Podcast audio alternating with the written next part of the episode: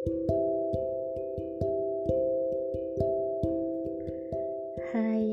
ini adalah cerita pertama aku di tahun yang baru yaitu 2022. Mau sedikit flashback nih sama 2021 yang wah sangat-sangat luar biasa ya. Aku tahu 2021 bukan tahun yang baik untuk kita, bukan juga tahun yang buruk untuk kita pastinya banyak masalah yang kita hadapi, banyak rintangan, banyak kesedihan, tapi kita juga mengalami banyak kesenangan di tahun 2021. Mungkin dengan bertemu dengan orang-orang baru, mencoba kesempatan baru, kemudian juga adanya masalah sebenarnya membuat kita terbiasa, membuat kita menjadi lebih matang untuk bisa menghadapi beberapa masalah yang mungkin akan lebih besar datangnya di hari-hari berikut.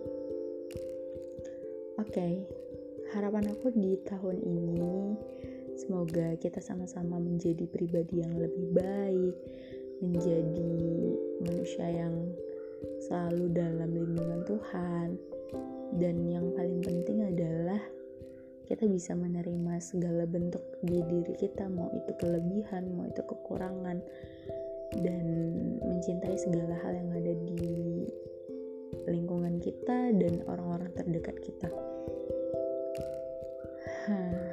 Ternyata aku sudah lama sekali tidak menyapa kalian. Di mana pun kalian berada semoga kalian dalam keadaan yang baik-baik saja walaupun dunia sedang tidak baik-baik saja oke okay? Kali ini aku mau cerita tentang cerita lama yang menurut aku aku perlu sampaikan ke kalian karena ada sebuah filosofi yang bisa kalian ambil dan bisa kalian maknai bahkan mungkin bisa kalian aplikasikan ke kehidupan kalian jadi aku mau cerita waktu aku mulai kuliah aku bertemu dengan satu orang yang dulunya aku nggak pernah nyapa dia. Waktu itu tahun 2018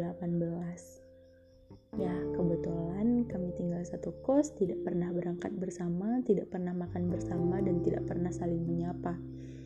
Kebetulan juga circle pertemanan kami berbeda dan ya karena waktu itu circle pertemanan dia adalah circle pertemanan yang isinya adalah orang-orang apa ya kalau aku bilang orang-orang yang ambis, orang-orang yang selalu memikirkan tentang sekolah, pelajaran, tugas dan lain sebagainya.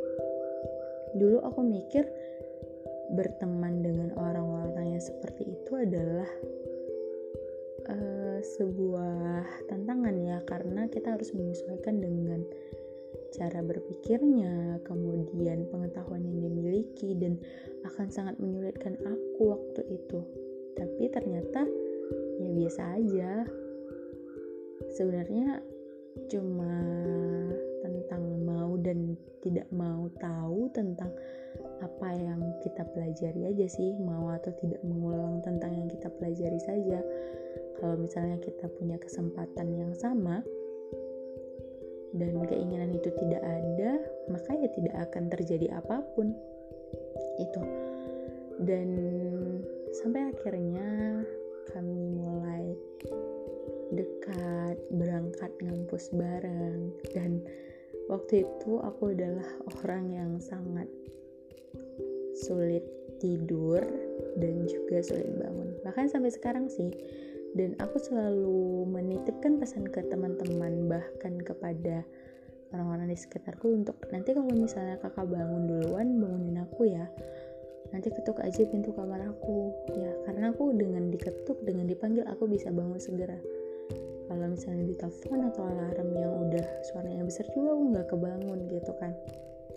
Dan mulai dari situ kami mulai dekat berangkat kuliah bareng.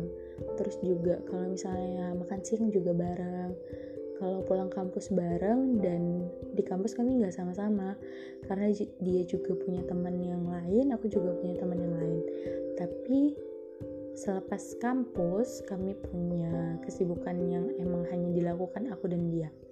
Misalnya kami sering masak ya walaupun nggak pandai-pandai banget memasak kami sering mencoba hal-hal baru bereksperimen seolah-olah kami adalah chef yang cukup handal yang bisa membuat suatu resep baru padahal ya rasanya begitu saja.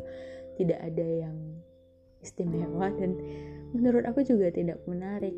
Tapi tetap habis kok karena ya namanya juga anak kos.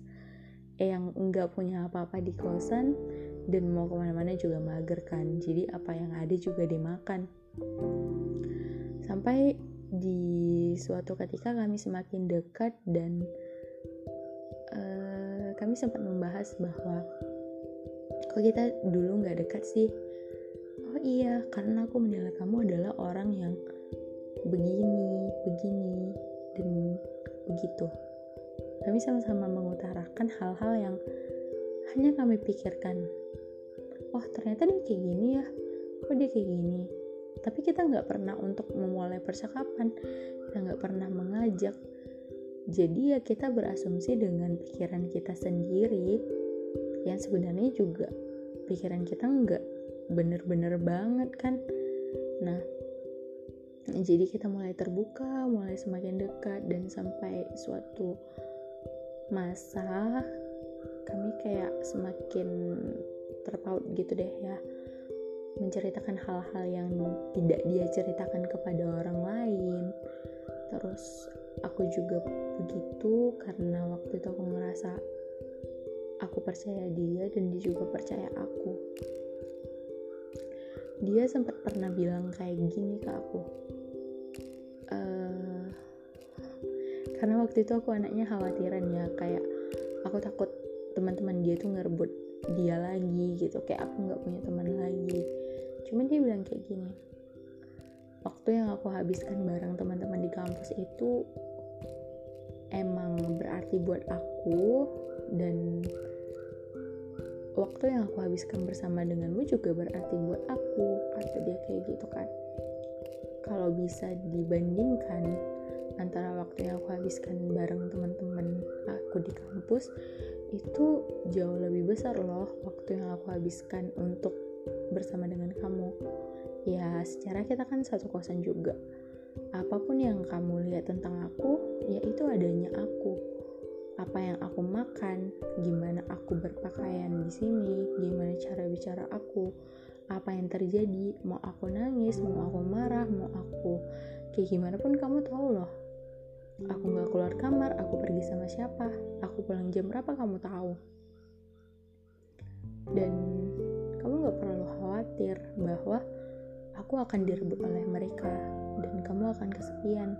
Dia bilang kayak gitu sih seolah-olah ya tapi makna yang bisa aku ambil kayak gitu sih terus dia bilang kayak gini kamu percaya nggak kalau setiap orang itu punya satu nilai yang beda dari orang lain misalnya gini deh aku mau ceritain A ke kamu tapi aku juga belum tentu bakal ceritain A ke orang B dan aku ceritain B ke orang yang B, tapi aku juga belum tentu ceritain B ke kamu. Jadi udah ada porsinya masing-masing. Dan gak perlu khawatir kalau misalnya dia pergi, karena suatu saat dia bakal balik lagi. Atau kamu punya nilai yang berbeda.